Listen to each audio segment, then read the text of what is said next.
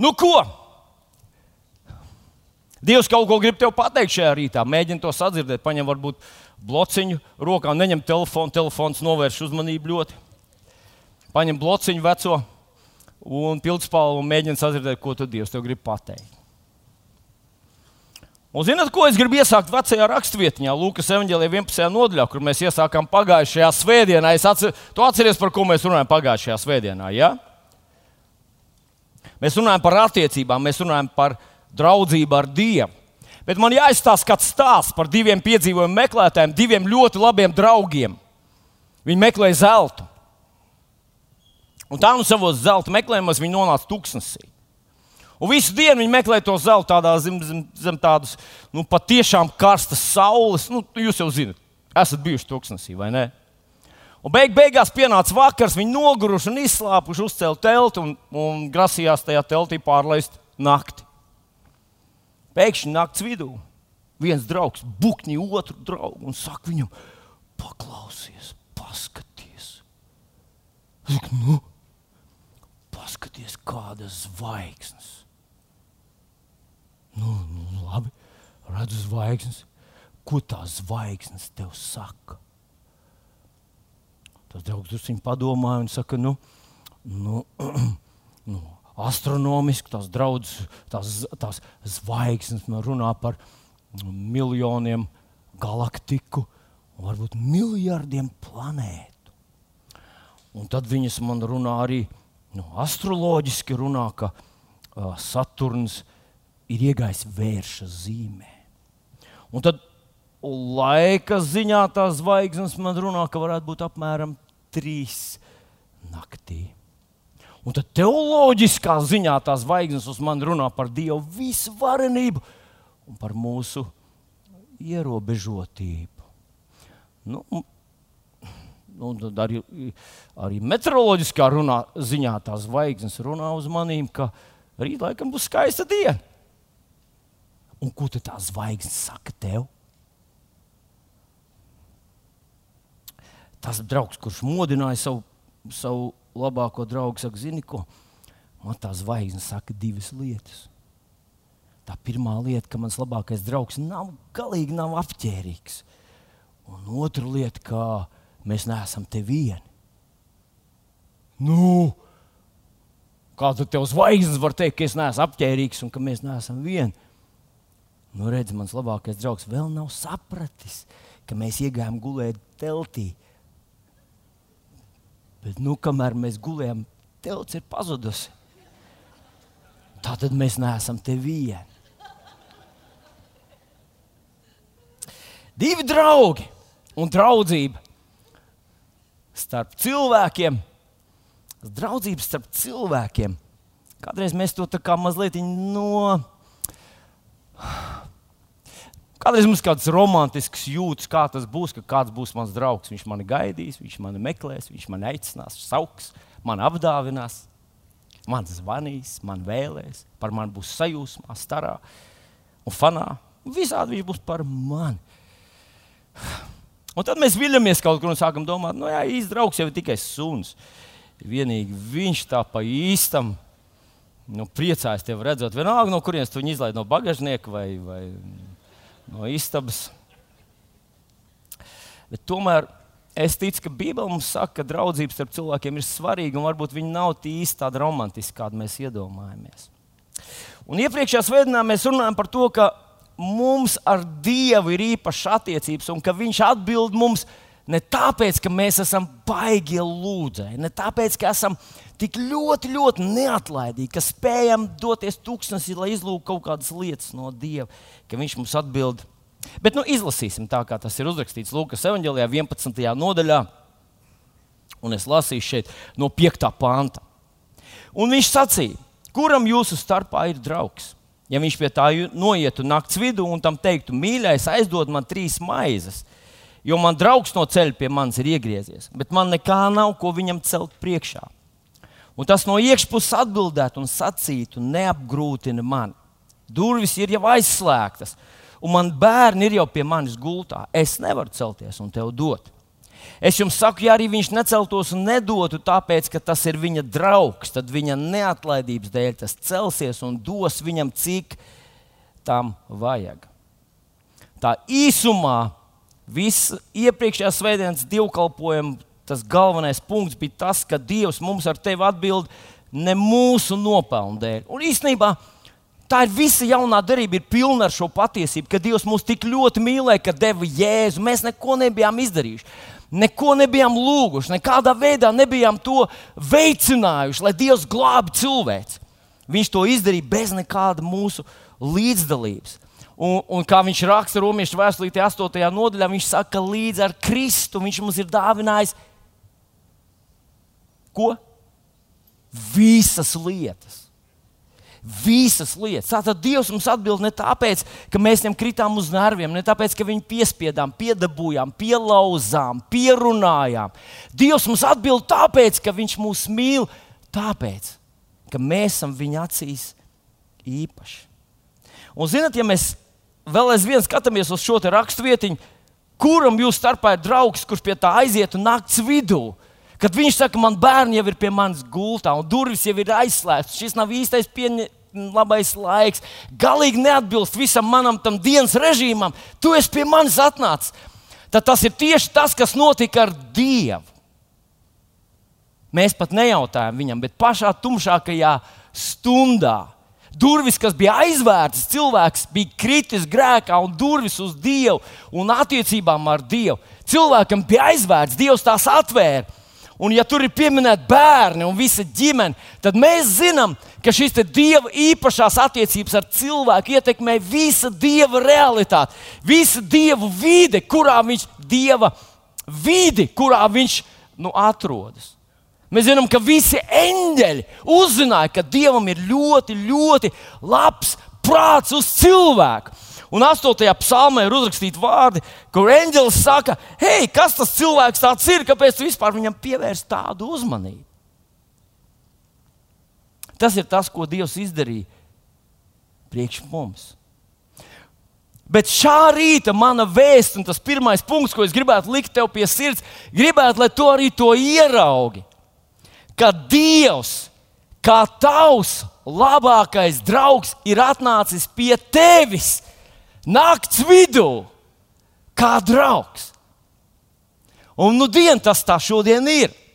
Dievs mums šodien saka, ka ir ceļinieki, kuriem nav maizes. Un viņš saka, man nav ko ar viņiem, es nevaru viņus pabarot. Lūdzu, pabarot tu viņus.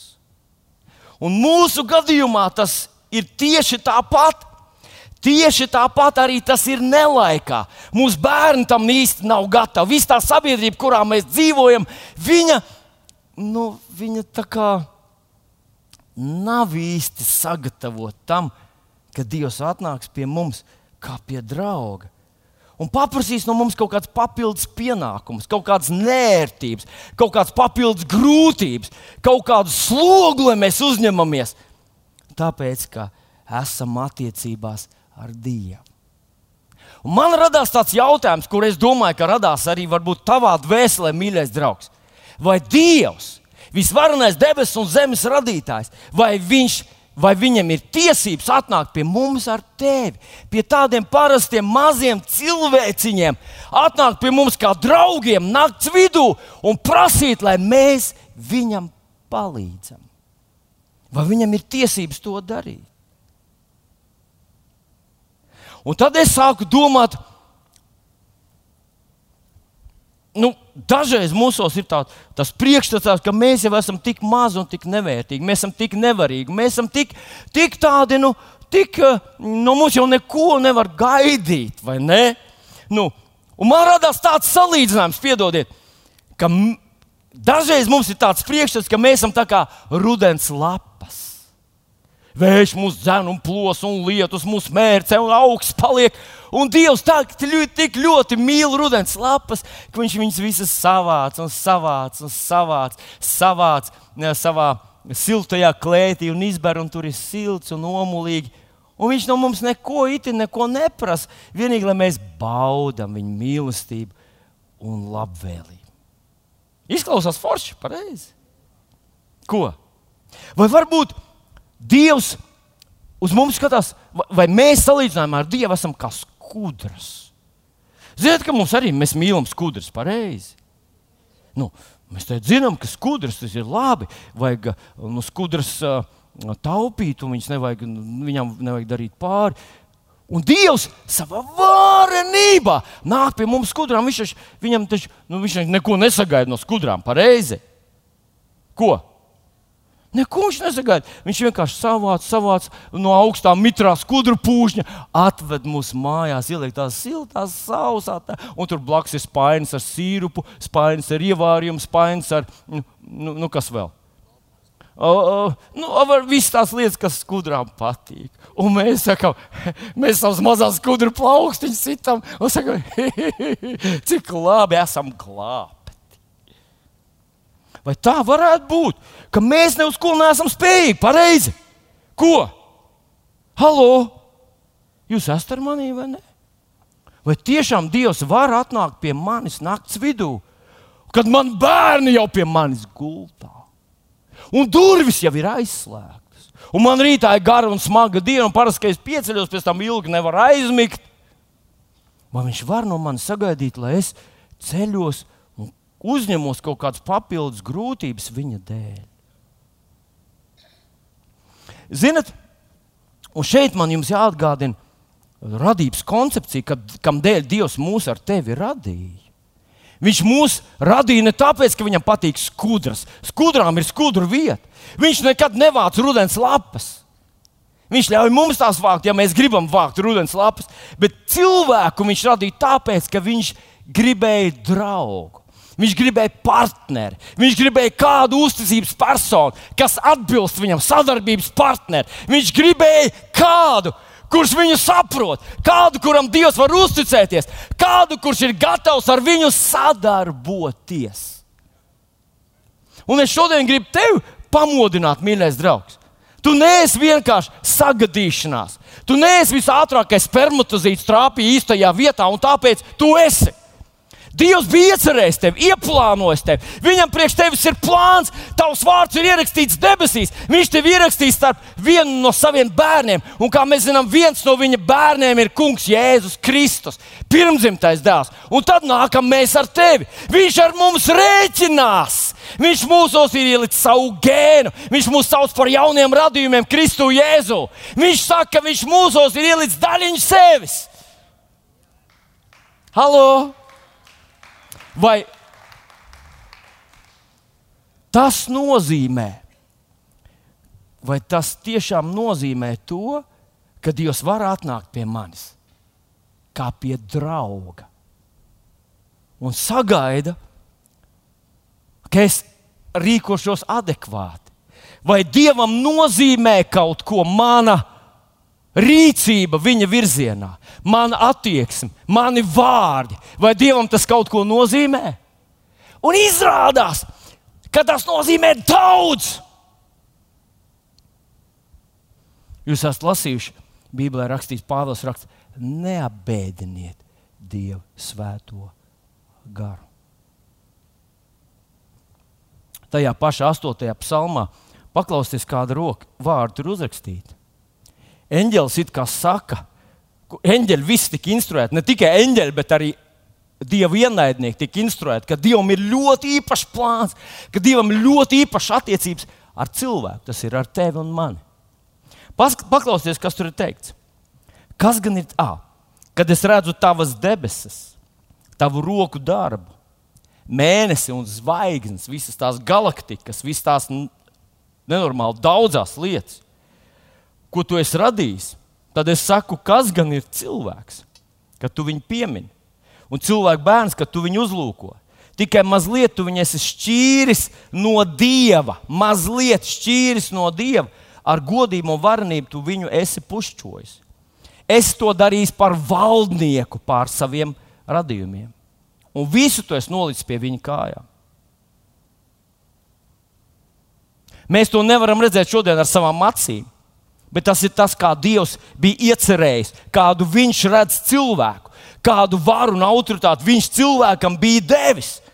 Un es esmu un ir devis. Un esmu pārliecināts, ka tas ir tas, kādu viņš gribētu, lai mēs sevi redzam.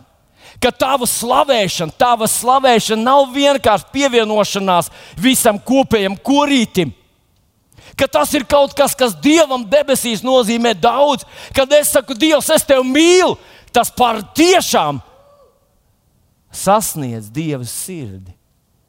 Un viņam tas kaut ko nozīmē. Kad es viņam uzticos, Un te es gribu teikt, ja es varu apbēdināt Dievu,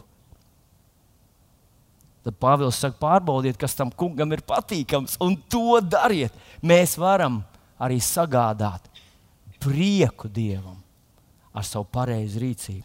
Mēs esam radīti kā tādas adekvātas būtnes. Mēs esam radīti kā cilvēki, kas līdzinās Kristum, kas sasniedz to viņa mērogu un viņa standartus. Un tagad ļaujiet man mazliet pastāstīt no savas personīgās dzīves. Es zinu, vienu otru es esmu nogurdinājis ar saviem personīgiem emocionāliem stāstiem. Es cenšos to, to nu, pēc iespējas eh, nu, nu, saīsināt. Jo man liekas, ka tas ļoti labi ilustrē to, nu, nu, nu, vismaz manā gadījumā, ilustrē to, kā tas ir, kad Dievs atnāk pie mums un vēlas būt par tavu un manu draugu. Tas tas jau ir diezgan nu, gadus atpakaļ, tas, tas, tas periods manā dzīvē, un mūsu ar līgas dzīvē, kad mums uzrādījās viens draugs. Es biju, es biju izbraucis ārpusē, ārpus Latvijas, vienā pilsētā, kur es sludināju. Un tur viens no sludinātājiem, kas bija uh, citā dievkalpojumā, bija viens uh, krievu brālis no Pēterburgas. Viņš sludināja, un man viņš ne, neizskatījās tāds simpātisks. Nu, dien, man neradās nekā, man likās, ka viņš mazliet tā kā ir varbūt, nu, nu, varbūt, varbūt tā godīgi runājot. Es nesaukšu viņu vārdu, tāpēc es pateikšu tās savas sajūtas. Tās pirmās sajūtas man bija, ka viņš mazliet tā kā, tā kā tāds drusciņš augstprātīgs. Bet, ziniet, no tās mūsu nelielās tikšanās, kas mums tur bija, mums izveidojās ar viņu tādas īpatnējas attiecības. Viņš man zvanīja.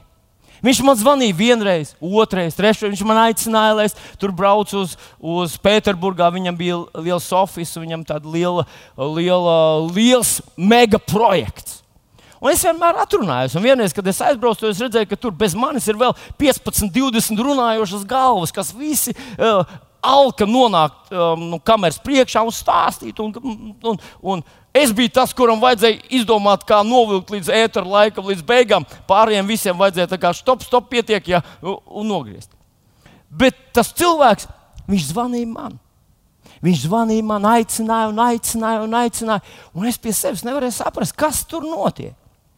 Mēs ar Līgu vienu dienu bijām aizbraukuši, vairāk gadu atpakaļ bijām aizbraukuši uz Pēterburgu, vienkārši apskatīt to pilsētu. Pēterburga ļoti skaista pilsēta. Tie, kas esat tur bijuši, vasarā aizbrauciet, vienkārši tur ir mērogi, tur ir muzeji, tur ir katedrāls, tur ir, nu, tur ir ko redzēt. Un mēs ar viņu bijām aizbraukuši tur. Mēs tur Es neatceros, cik tās dienas bija, kāds pāris dienas mēs tur bijām.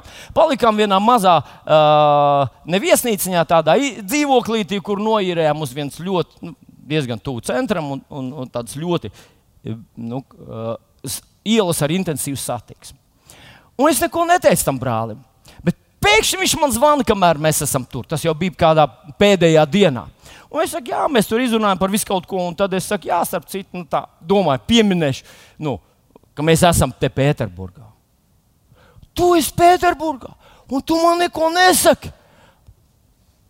Ko es tev būtu varējis teikt? Tu taču esi tik aizņemts. Filmu, kur tu esi? Es izstāstu viņam, kur mēs esam. Viņš tur pat tajā pašā pēc stundas bija klāts. Un, ziniet, nu, es jau tā klausījos viņu ar tādu, nu, tādu mazliet tā kā tādu filtru. Bet tad, kad viņš piebrauca, uh, viņš piebrauca ar mašīnu, kuras vārdus īsti neatceros. Viņi ļoti reti, kad var redzēt uz ielas. Bet tieši tieši tas bija tas laiks, kad mums Latvijā bija valsts mēroga uh, korupcijas skandāls, kad iekšlietu ministrija bija nopirkusi kādu ekskluzīvu džipu. Kaut kādu, es, es vairs neatceros, kas tas bija, kāds viņam bija tas Bet nu, visā valstī viss šūmējās, kurš tad tagad ar to brauks. Un visi dievojās, ka nē, nē, viņi ne, nebrauks. Policijas priekšnieks teiks, ka nebrauc iekšlietu ministrs, teiks, ka es ar to nebraukšu. Neviens nebrauks. Kam tad jūs nopirkāt? Nu, ja atbrauc kaut kāda īpaša viesa, tad mēs, nu, ar, tad mēs izmantosim to lielo džipu. Un te visi šūmējās. Un tagad mēs aizbraucam tur, un tas puisis piebrauc ar to, ar to džipu. Nu, labi. Es saku, jā, no augšā tur nu, tagad mēs tur īsti nevaram iet. Tas tur viss tur ir mazs šaurs un, un, un, un, un, un um, avārds kaut. Viņš ir, nu labi, ejam pastaigāsim pa ielu. Un viņš tagad uz tās uh, sarežģītās, nu, kā to sauc, uh, krieviski, bizī strīti, ja? Visi brauc, viņš uzbrauc to džipu vienkārši uz trotuāru, nomet viņu un saka, ejam! Un mēs tagad ejam, un es savā prātā, savā prātā, savā prātā, es domāju, mēs paiesim 15 soļus, tad viņš teiks, es te nevaru īsti atstāt mašīnu, man tagad jābrauc tālāk. Un, tā, un mēs, pa, un mēs paiem puskilometru, un es viņam saku, uh, tur, tu zini, kas notiek, parasti tu atstāji mašīnu uz uh, trotuāru, pareizi, Mārtiņ, mēs neatstājam. Tas ir nu, dzīves uh, nu, likums numur divi, neatstāja mašīnu uz trotuāru. Es viņam saku, vai tad nevar atbraukt un kāds uzlīmēt kaut ko. Var viņš saka, iespējams, ka atbrauks. Bet tas nekas, ejam pa. Un mēs ejam, un ejam, ejam, un ejam. Un es sapratu, ka viņš nu, kā, par to tā necepās kā es. Un mēs runājam par visu kaut ko. Un, zinat, tas bija interesanti. Uh, varbūt es viņam patiku ar to, ka es esmu no tiem, kurš klausās un uzdod jautājumus visu laiku. Pārējie visi gribēja stāstīt par sevi. Nu, bet es uzzināju par viņu ļoti, ļoti daudz. Viņam bija ļoti daudz līdzīgu. Mēs abi bijām padomu laika bērni. Viņš bija uzaugusi uz ielas, viņa mamma strādāja kaut kādā atbildīgā darbā, viņa praktiski nebija mājās. Viņš bija uzaugusi uz ielas ar puikām. Viņš bija agri jau sācis visus tos netikumus, kurus ielu bērni dara. Un tad tur uz ielas pie viņiem bija pienācis viens amerikāņu misionārs un sācis runāt par Jēzu, un stāstījis par Jēzu. Viņš bija sadzirdējis, un kaut kā viņa sirdī tas atsaucās. Un tā, solīt pa solītam, viņš nonāca Bībeles skolā Amerikā. Tur Amerikā viņš iepazinās ar vēl kādu cilvēku, tur ar vēl kādu cilvēku, un beigās viņš nonāca tādā ļoti kristiešu, bagātu cilvēku aprindā. Un viņš saka, tur starp viņiem es klausos, kā tie cilvēki runā. Klausos, kā viņi redz pasauli, klausos, kā viņi plāno, klausos, kā viņi runā par notikumiem. Un viņš teica, un es skatījos uz to visu. Man tas bija, nu, kā saka, krieviski, vdikovino. Nu, tas man bija tā tāds, kas tas ir? Un tā mēs nostaigājām ilgi. Nācām atpakaļ. Un, un nebija par laimi, neviens nebija uzlīmējis tur neko tam, tam džipam. Varbūt džipiem nelīmē, es nezinu. Viss bija kārtībā, mēs atvadījāmies, viņa aizbrauca. Un pēc stundas viņa bija ar visu ģimeni klāt. Teica, vai nākat, ejam uz, un mēs aizgājām uz restorānu, nosēdējām. Viņš iepazīstināja visiem saviem bērniem, parādīja savu dzīvokli. Un, zinot, viņš jau stāstot par savu kalpošanu tajā garajā sarunā, man, man nu, es ik pa laikam tā pārliecinājos, ka man ne, nekrīt nost to uh, žoklis. Baigi neglīts izskatos, kā, kā žoklis vaļā. Un es tā visu laiku pabīdīju uz augšu. Bet es dzirdēju par mērogiem, par kanāliem, par naudām. Viens, cik maksā viens satelīts, kurš retranslē tavu, tavu programmu uz kaut kādām tur vairākām valstīm, vairākām desmitām valstīm? Tas bija simti tūkstoši.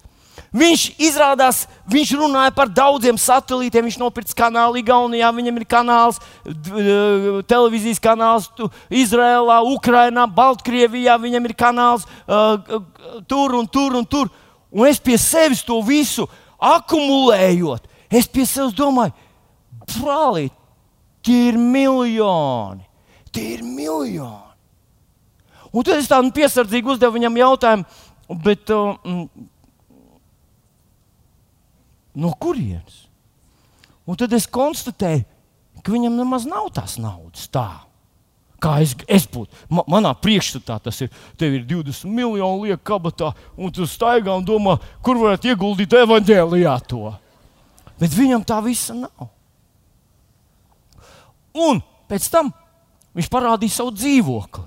Un tas dzīvoklis, nu, es neesmu eksperts, varbūt Līga labāk var pateikt, bet nu, tas nebūs pieci zvaigžņu viesnīca, bet četru zvaigžņu viesnīca foijē ir viesistab viņiem. Un pie sevis domāju.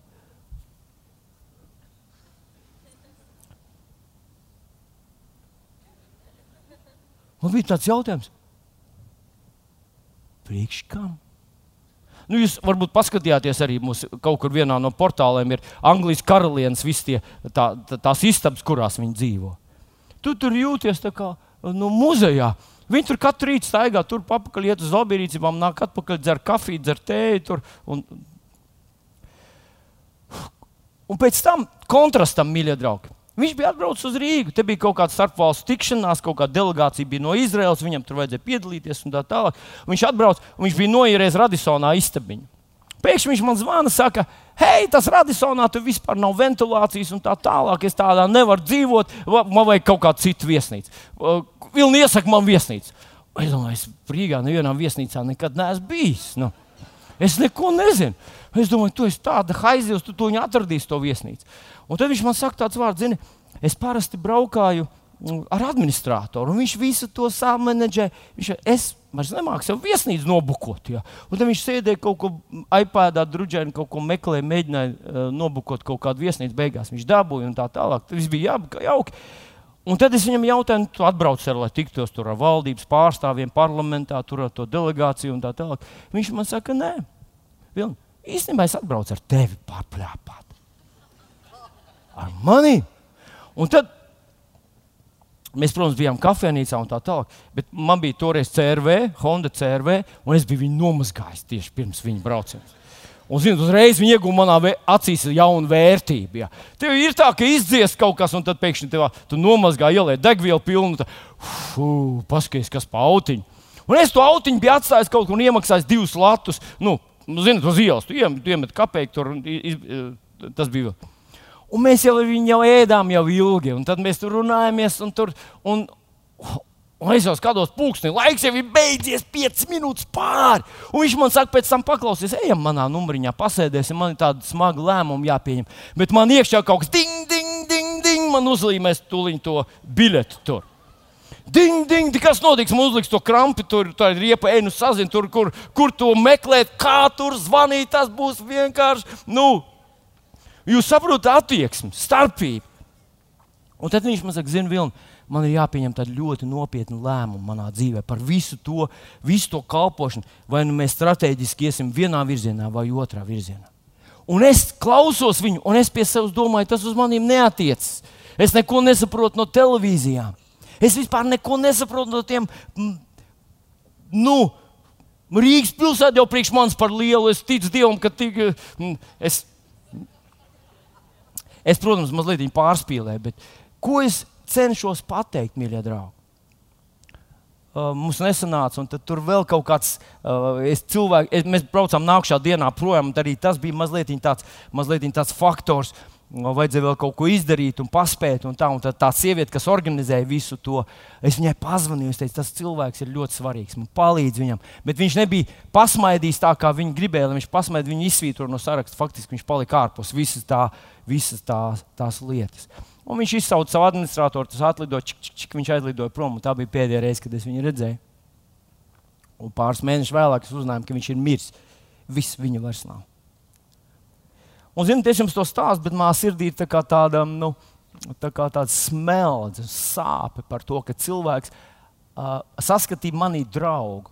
Un es vispār nepiefilmēju to, es nesapratu to, ka viņš varbūt meklēja, lai es ieklausos kas manā sirdī ir. Varbūt tas bija tas svarīgais un, un nozīmīgais, ka es varēju neiesaistīties un nezinot visas tās mazās nianses, es varēju sadzirdēt no Dieva, ko Dievs grib viņam pateikt.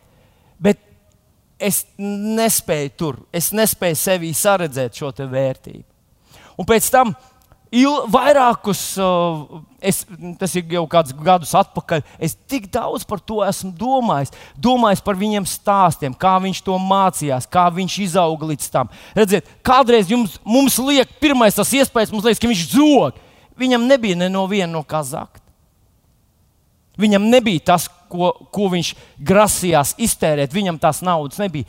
Viņam bija vienkārši, viņš bija to paņēmis no kāda šos lielos mērogus, šo lielo drosmi, šo redzējumu. Un tad es uzzināju, ka ir aprindas, un tie ir ļoti bagāti cilvēki, bieži vien pasaules bagātākie cilvēki, kuriem vienalga, cik tev naudas, bet viņi redz, ka tavs sirds deg, viņi redz, ka tev ir redzējums, viņi redz, ka tu šajā pasaulē kaut ko gribi izdarīt, un tev atverās tādas durvis, kuras nekad neatvēras tiem, kas ir grāmatveži un kalkulatoristi. Un runājot ar šo cilvēku, es sapratu, ka kaut kas manī arī notiek. Es vairs neskatos, neskatos uz, uz cilvēku, kuram ir labāka mašīna, ka viņš oh, tas, tas gan ir, tas gan ir kaut kāds, kas gan ir zaglis vai kaut kas tamlīdzīgs. Es tā neskatos, jo tie cilvēki, kam ir liela ticība, tā izpaužās viņu kalpošanā, tā izpaužas viņu mājā, tā izpaužas viņu vārdos, tā izpaužas viņu redzējumā. Un šis lielais vīrs ar šo lielo redzējumu, lielo drosmi, viņš saskatīja mani un gribēja mani ar mani nodibināt draudzīgas attiecības. Un zini, ko šodien es gribu te pateikt, ka tas ir vēl vairāk ar to, kā Dievs atnāk pie tevis. Un Varbūt tev ir tāds sajūta, ka tu esi neadekvāts. Tu esi nevarīgs, vai dieniņ, es jau, es jau visu savu ticības potenciālu esmu izmantojis. Un tad man nāk prātā tas gadījums, kad Dievs atnāca pie Mozus un saka viņam, kas tavā rokā ir. Un viņš saka, nu, tas, tas koks. Ar to koku es tikai vienu lietu varu izdarīt. Es varu viņu nosviest zemē, viņš pārtiek par čūsku, un tad es viņu paķeru, un viņš atkal ir koks. Tas ir viss, ko es varu izdarīt. Un Dievs saka, to pašu čūsku, to pašu tavu ticības. Um, potenciāli izstiep pār jūru. Wow. Vai es esmu uz kaut ko vairāk spējīgs? Jā! Tu esi vairāk spējīgs. Un es esmu atnācis, lai tu būtu mans draugs, lai tu pacelies līdz manam līmenim, lai tu ieraugi, ka tu neesi rudens lapa, tu neesi maza skudriņa, tu neesi tas, kurš nevarīgs, nespēcīgs un tavu dzīvi nekontrolē kalkulators. Tu esi aicināts un radīts dzīvot pavisam citā līmenī. Kā Dieva dēls, kā Dieva sadarbības partners, kā redzējuma cilvēks. Un tas nozīmē, ka tu uzņemsies kaut kādas papildus nērtības. Ja es teicu, ja viņi man vajājuši, viņi jūs vajās. Kāpēc? Tāpēc, ka tu pacelies līdz viņa līmenim. Un šai pasaulē tas ir pilnīgi nepieņemams un nesaprotams. Sāc dzīvot kā īsts kristietis, un tev visu laiku, visur, kur radīsies pārpratumi, cilvēks sāc runāt ticības vārdus. Un tev visu laiku, visu laiku tu neiedarēsies šīs pasaules normālajās uh, padarīšanās. Sāc runāt kā redzējuma cilvēks, un tavs grāmatvedis viņam sāk trīcēt rokas. Kā mēs to izdarīsim? Ko, ko, mēs tikko knapi nomaksājam visus tos rēķinus, un tu jau runā par jauniem kanāliem jaunās valstīs. Ir cilvēki, kas seko naudai, un ir nauda, kas seko cilvēkiem. Un Dievs ir paredzējis un vēlējies, lai mēs ar tevi esam tieši tādi, lai mēs atbilstam viņu. Ticība, es gribu teikt, ir ļoti lipīga lieta. Nonāca pie neticīgiem cilvēkiem. Tā arī ir divas slimības, ja mēs drīkstam to tā nosaukt. Ir ticība un neticība. Nonāca pie neticīgiem, un viņi teica, vai tu dzirdēji, cik slikti, vai tu dzirdēji, bankrotēji tas un bankrotēji šitas, un, un vai dieni sāk ar mēbelēm, un, un pēc tam beidz ar pitiķu. Un tu klausies, un tu saproti, ka tevi inficē bacilis. Un tu sāc domāt, vai dienu, bērns nav vērts vairs dzemdēt. Vai kas no tiem bērniem šodien sanāk, vairs nevar zināt, kuram dzimumam viņš pieder. Nē, pasak savam bērnam, kuram dzimumam viņš pieder, un viņš sadzirdēs te. Hei! Es ticu, ka šodien vēl aizvien cilvēki slimo ar divām slimībām tikai. Viena ir neticības slimie, un otra ir ticības slimie. Un viņi savā starpā nevar satikt. Jēzus mācekļi, kuri viņi negāja, visur viņi neiedarējās. Un tas ir tas, kam esi aicināts, tu līdzināties Dievam. Vienalga, cik tev gadu, jauns vai vecs, mīļais draugs, puisis un meitene, vīrs un sieva.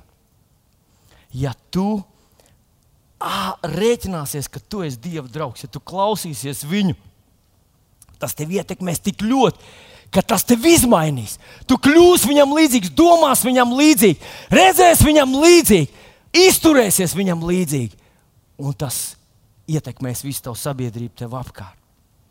Un Jēzus to pateica ļoti stipriem vārdiem. Mateja evanģēlijā, 10. nodaļā, 37.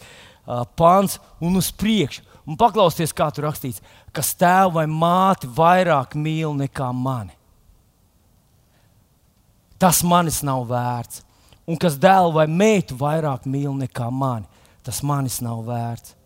Un kas savu krustu neuzņems un man neseko, tas manis nav vērts. Te iet runa par, par vērtību, par to pacelies līdz manai vērtībai, pacelies uz augšu. Hei, tu biji tur apakšā. Tev visu laiku, te, tu dzīvoji pēc savām spējām, pēc tā, ko tu vari sataustīt, ko tu vari sevī saskatīt, to, kā tu jūties. Pacelies uz augšu. Un tad šie vārdi, kas tēvu vai māti vairāk mīl nekā man, tas manis nav vērts. Ir cilvēki, kas saka, ārprāts, ārprāts, tas nav iespējams. Vai tiešām tas nav iespējams? Tas nav iespējams. Kā jūs domājat, vai ir iespējams Jēzu mīlēt vairāk kā tēvu un māti? Vai ir iespējams? Jā. Kad uh, mūsu jaunākais dēls apprecējās, viņa māmiņa viņam testu, uzrīkoja testu, vai viņš ir gatavs laulībai vai nav. Un viņi viņam jautā tādu jautājumu.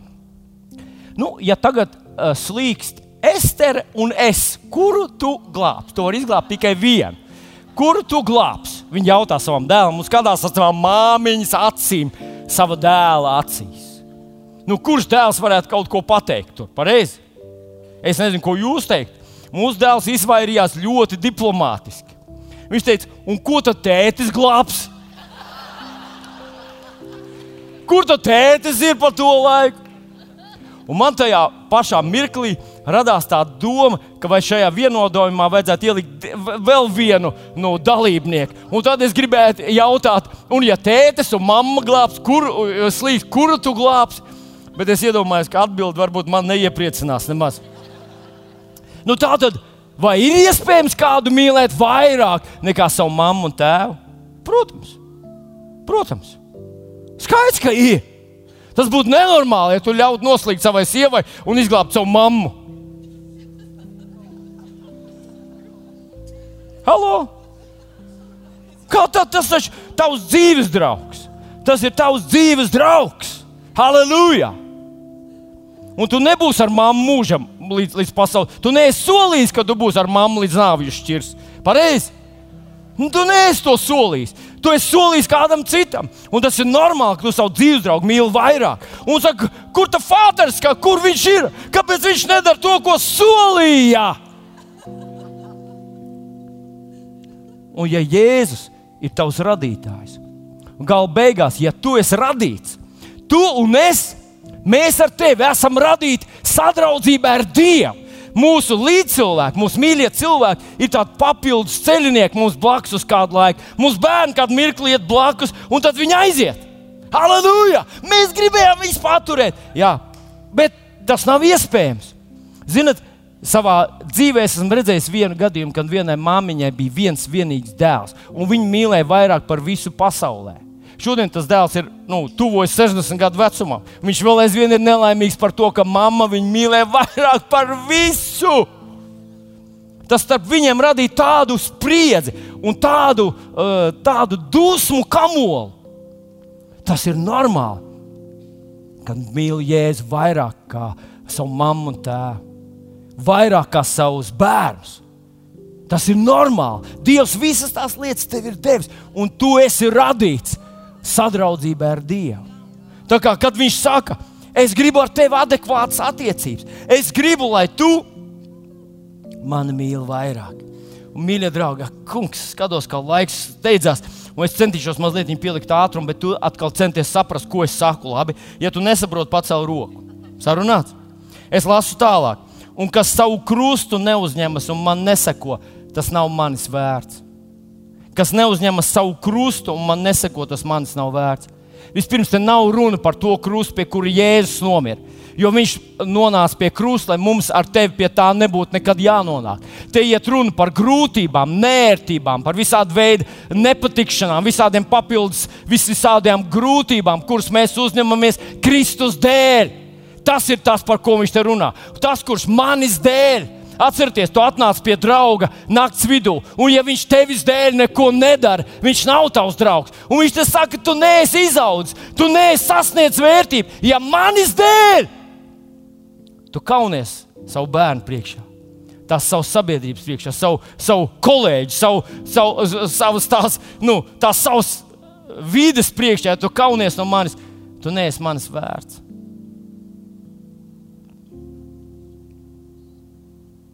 Paskatieties uzmanīgi, kā te rakstīts, ka savu krustu neuzņemas. Tas nozīmē, ka mēs paņemam to krustu, vai arī varam neņemt viņu. Ir tā teorija par to, ka tas krusts ir visādas vēži, nabadzības, visādas kolīzijas, visādas netikumi dzīvē, visādas katastrofas, ka tas ir tas Dieva krusts, kur Dievs dod mums ciest, lai mēs ciešam. Bet, zinot, pat pašu katoliskāko cilvēku, un pie katoļiem šī doktrīna ir ļoti, o, tas ir Jēzus kaut ko tev devis, šo slimību, tas ir tavs krusts, lai tu to aiznes godam līdz galam. Pat paši katoliskākie cilvēki, es nekad neesmu dzirdējis, ka kāds būtu teicis, es lūdzu, lai man notiek katastrofa, es lūdzu, lai man dotu vēzi, es lūdzu, lai manā dzīvē notiek kaut kāda nelaime. Visas tās slimības, visas tās ielaužas cilvēku dzīvē. Bet par šo krustu, visur, kur iet runa par krustu, par kuru Jēzus runā, viņš runā, ka mēs to paņemam, vai arī varam neņemt to. Un viņš saka, ka tu to brīvprātīgi paņem. Tu uzņemies šīs problēmas, tu uzņemies šīs grūtības, uzņemies šos papildus pienākumus, papildus izaicinājumus. Kristus dēļ, mīlestības uz viņu dēļ. Tas jau runā par, par uh, attiecībām un par kaut kādu adekvātumu, ka tu, ka tu neesi mazā skudriņa, tu neesi nevarīgais un nespēcīgais, kurš neko nespēj un neko nevar. Bet tu apzinājies, ka tu esi adekvāts partneris šajās attiecībās. Un tu mīli viņu, tu uzņemies dažna, dažādas ierobežojumus, dažna, dažādas problēmas. Tu uzņemies un uzņemies brīvprātīgi un uzņemies to ar sajūsmu. Ziniet, ar ko es gribētu vēl salīdzināt šo krustu? Es to gribētu salīdzināt ar savu laulības gredzenu. Laulības gredzens. Tas ir diezgan daudz gadu atpakaļ, vairāk kā 30 gadu atpakaļ, kad es slēdzu laulību ar Līgu. Viņa vēl aizvien ir, kur ir mana laulātā sieva. Un, zinot, tad, kad es sapratu, ka viss notiks un ka viņi ir gatavi ar maniem precēties, man sirds sitās. Pat naktī bija 180 sitienu minūtē. Es biju laimīgs. Un tad beig beigās mēs apprecējāmies. Es neatceros, ko mācītājs tur runāja. Viņš ļoti gari runāja laulībās. Kaut ko stāstīja, visi apsveicēja, kaut ko vēlēja, vēlēja, vēlēja, vēlēja. vēlēja. Neko neatceros. Es biju laimīgs, man spieda kurpes, bet es biju laimīgs. Un tad manā pirkstā parādījās zelta gredzens.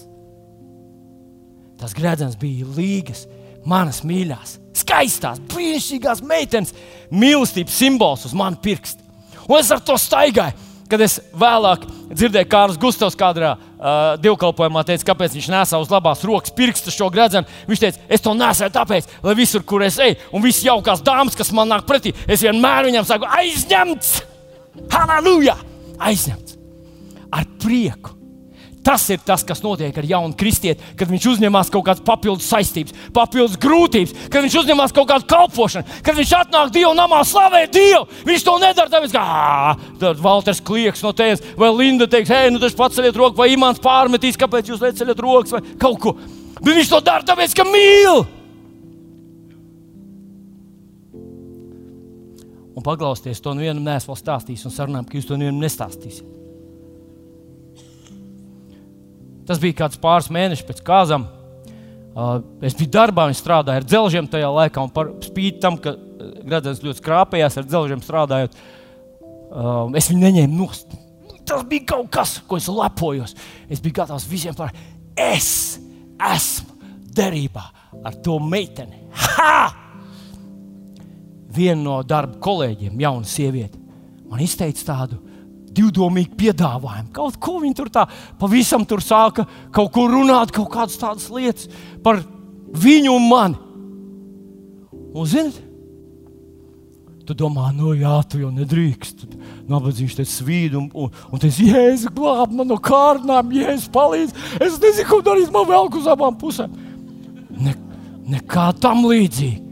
Man sanāca smiekli par viņu, par viņas piedāvājumu, par to, ko viņa tur mūld, par to, ko viņa tur kaut ko saka. Es biju lepns, ja man bija attiecības ar līgu. Es biju lepns, ka es esmu savaņģots, savažots, es esmu attiecībās, es esmu derībā ar manu dzīves draugu. Tieši tā izskatās Kristus. Krusts. Palasiet, apelsīns Pāvils saka. Uh, viņš saka, es, ja nemaldos, bija kaut kur Bībelē rakstīts. Galotiešiem, man liekas, ka sastajā nodaļā viņš saka, es ne ar ko nelielīšos, kā vien ar Kristus krustu ar kuru pasaule man ir sista krustā un es pasaulē. Tas ir tava mīlestība uz Jēzu. Tava mīlestība uz Jēzu, viņa ir reāla. Tā nav vienkārši uzfrišināta svētdienas rītā kaut kad. Tu vari staigāt un teikt viņam, Jēzus, mīl tevi. Un no debesīm mana pārliecība ir, ka no debesīm uz tevi raugās mīlošas acis, mīlošas ausis, uzklausās tavus vārdus. Un labi, tu to nevari sajust. Bet Bībelē mums vienā gabalā atklāja visādās vietās, ka Dievs mūs uzskata par savas mīlestības partneriem. Un, ja tu pavadīsi laiku ar viņu, tu mainīsies. Un man ir palicis viens pēdējais punkts. Nērtības un grūtības un vajāšanas Kristus dēļ ir privilēģija. Ir privilēģija un, un, uh, un garīga likuma palaišanas svira. Tu zini, ka ir garīgi likumi. Un tad, kad tu kaut ko uzņemies mīlestības uz Kristu dēļ, vienalga, kas tas ir, kaut kādas nērtības, varbūt kāda emocionāla, uh, emocionāla situācija, ka tu neizvairies. Un jūs esat pamanījuši, jūs varat izvairīties. Mēs varam izvairīties, paslēpties, lai mūs nu, lai, lai, nu, tā tieši nekonfrontēt ar to, ka jā, es mīlu Jēzu, jā, es, es kalpoju Jēzu, jā, viņš ir mans kungs tu vari tā nolīferēt, un tas krusts paliek tur zemē. Tu nepaņem viņu, bet ja tu paņem, ja tu paņem kaut kādas grūtības, ja tu cieti kaut kādas nērtības, ja tu naktas vidū piecelies un liec saviem bērniem manīt, ka tev ir dārgākais draugs visā pasaulē, un tas ir tavs Jēzus Kristus. Kaut kas sākās tavā dzīvē. Man ir tikai divas rakstvietiņas, kuras gribu tev uh, parādīt. Otrā Timotē, otrā nodaļa, 11. līdz 13. pāns. Paklausieties, patiesi paties ir šis vārds. O, es pārlieku vienai pāri. Romiešiem 8,17. Ja nu esam bērni, tad arī mantinieki, Dieva mantinieki un Kristus līdzmantinieki. Ja līdz ar viņu ciešam, mēs līdz ar viņu tiksim arī apskaidroti. Ja tu cieti viņa dēļ, ja tu panes grūtības viņa dēļ, nērtības viņa dēļ. Ja tu to dari mīlestības uz Kristu dēļ, ja tu nāc uz lūgšanām, un tev varbūt viss, viss tas neiedarās tavā tajā ska, nu, ikdienas rutīnā, bet tu saki, Jēzu, es jūtu, ka mums starpā ir, ir kaut kas nostājies, es gribu atjaunot savas attiecības. Tas ļoti spēcīgi darbojas. Ja mēs ciešam līdzi ar viņu, mēs līdz ar viņu tiksim arī apskaidroti. Un tad viņš nobeidz ar 18. pāntu. Es domāju, šī laika ciešanas ir nenozīmīgas salīdzinot ar nākamo godību. Un mēs zinām, apelsīns Pāvils cieta nāvi. Viņš burtiski saka, ka viņš bija gatavs Kristus dēļ, ka viņu nogalinās ka viņu nogalinās. Un vairākas reizes pat tā izskatījās, ka viņi tiešām nogalinās. Kristus dēļ, mīlestības uz Kristu dēļ. Bet viņš saprata, viņš ir partners. Viņš ir partners. Viņš nav nekāds skudrs, viņš nav nekāds um, nevarīgs, neadekvāts uh, partners ar kungu jēdzi. Viņš ir partners, viņš ies līdz galam. Un tad viņš saka, tā godība, kas tam seko, ir neaprakstāma. Mīļais draugs, mēs ar tevi savā dzīvē mūsu šodien nenogalina. Mūs neatlaiž no darbiem, varbūt vienotru arī kaut kur atlaiž. Kaut kur. Ja tu esi tas patiesa kristietis, tev var atlaist no darba. Varbūt kaut kur, kaut kur par tevi pasmējās, varbūt aiz muguras, varbūt tavu radu starpā, varbūt tavā darba vietā aiz muguras. Viss tā paķiķina par tevi un, un cenšas kaut kā tādu nepatīk pret tevi. E, ir cilvēkiem. Un ja tas ir Kristus dēļ, ja tas ir tavs slinkuma dēļ, tad tu esi pats vainīgs. Ja tu esi vienkārši tāds īgņa, un, un tu esi pats vainīgs, ja tu esi atriebīgs, tu esi pats vainīgs, ja tu esi ļaunatminīgs, hei, pieņem jēzu un tiec glābts. Bet, ja tas ir tavs mīlestības uz Kristu dēļ,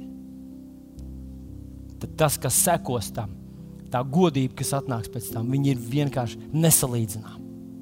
Viņi ir nesalīdzināmi. Un tas ir tas, par ko tev vajag rēķināties.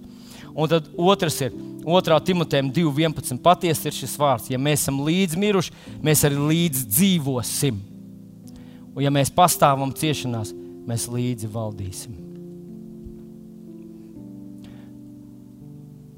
Tavs krusts ir nērtības, grūtības, papildus lietas kaut kādas, kuras tu apņemies, tāpēc ka tu mīli Jēzu. Viņš tevi mīl no visas savas sirds. Un viņš atnāca pie tevis naktas vidū, un viņš saka, man vajag tavu palīdzību. Draugs, un varbūt tu nejūties, varbūt tu jūties neadekvāti, varbūt tu jūties slikti, varbūt jūties, ka tev nav resursu, varbūt tu jūties kaut kā vēl. Tad problēma nav tajā, ka tu esi pārāk mazs. Problēma ir tā, ka tu neļauj sev pacelties līdz viņa līmenim. Jo viņš tevī redz potenciālu, viņš tevī redz draugu.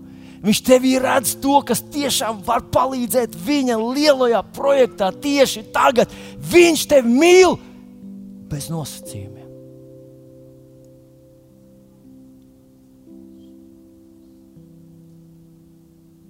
Uzņemies, uzņemies to mīlestības dēļ. Lūdzu, es tevi uzņemies. Uzņemies tur, kur tu būsi visu nedēļu, ar tiem cilvēkiem, kur tu būsi Tev nav muļķīgi kaut kur jālēkā un kāds, kādam jākonfrontē ar to, ka tu esi kristietis. Bet es esmu drošs, ka Dievs gādās, lai tavā ceļā atnāk tie cilvēki, par kuriem viņš runā, tie, kam nav tās maizes. Un tev nav viņa jā, ar viņiem jāstrīdās. Tev nav jāpierāda, ka tava ticība ir vispareizākā. Tev ir vienkārši viņam jāiedod maizīt par Dieva mīlestību un jāpastāsta savu liecību. Tu to vari izdarīt simts dažādos veidos, bet katru reizi, kad tev ir iespēja būt godīgam Kristus lieciniekam. Un tu to izdari. Un ir negatīvas sekas. Pacel savus rokas uz debesīm un saka, šīs vajāšanas vai šīs grūtības ir nenozīmīgas salīdzinājumā ar to, kas nāk pēc tam. Un tas apsolījums ir tas, ko Jēzus teica, kurš manis dēļ, kurš mani apliecinās cilvēku priekšā, to es apliecināšu Dievu un eņģeļu priekšā. Un tad viņš teica, ja kāds pazaudē kaut ko, tīrumus, vai mājas, vai draugus, manis un evaņģēlīja dēļ, nav neviena, kurš to nedabūtu simtkārtīgi jau šajā laikā, lai arī ar vajāšanām. Viņš saka, jā, būs vajāšanas. Un kādreiz mēs domājam, nu, ja sākās vajāšanas, tad viss man karjeras pārsvītrot, man, man ienākumi pārsvītrot, cilvēki vairs, es, ne, es nepatikšu cilvēkiem, un man nav vairs nākotnes. Viņš saka, lai arī ar vajāšanām, tu dabūsi simtkārt atpakaļ. Un tas ir tas, uz ko mēs ar tevi esam aicināti šajā pasaulē. Kad pie tavām durvīm klauvē tavs draugs naktas vidū un saka, izpalīdzi man, draugs.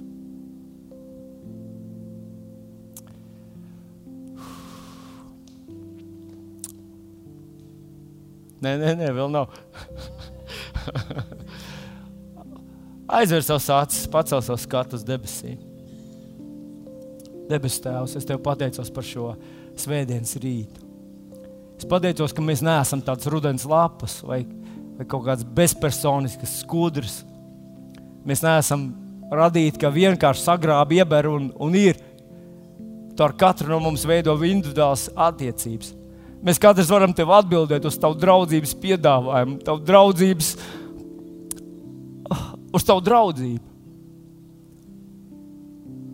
Paldies tev par to! Un es pateicos, ka tev šeit, Latvijā, ir daudz tādu cilvēku, pie kuriem tu vari atnākt naktas vidū. Un viņi ne, ne, neskatīsies savā kalkulatorā. Viņi nesāks teikt, cik viņi ir mazi, nevarīgi un nespēcīgi, bet teiks, es esmu šeit, es esmu. Es esmu, lai ar tevi sadarbotos. Es esmu, lai mācītos jaunus mērogus. Es esmu šeit, jo varu tev uz tevi paļauties. Es esmu šeit, jo tu esi man izvēlējies par savu partneri. Tu esi man izvēlējies par savu kompāniju. Tu esi mani pacēlis, lai es dzīvotu tavā līmenī. Es saku, Jā, kungs. Paldies, Tev! Paldies, Tev, debes Tēvs, par atmodu Latvijā! Paldies, tev, ka katrs no šiem cilvēkiem, kas šeit, šajā zālē sēž, kungs, ka mēs kļūsim par tavas, tavas uh, tava darba veicinātāji, mēs kļūsim par taviem draugiem. Mēs esam tie, kas tavu maizīti aiznesīsim līdz cilvēkiem un nekaunēsimies no tevis. Lielā varonā Dieva. Paldies tev par to. Es tev pateicos, ka arī šodien mēs varam baudīt vakarēdienu, kas simbolizē šo uh, derību, šo mūsu adekvāto sadraudzību ar mūsu kungu un pestītāju Jēzu Kristu. Paldies, Tev, debes Tēvs! Jēzus vārdā. Visi sacīja, Amen.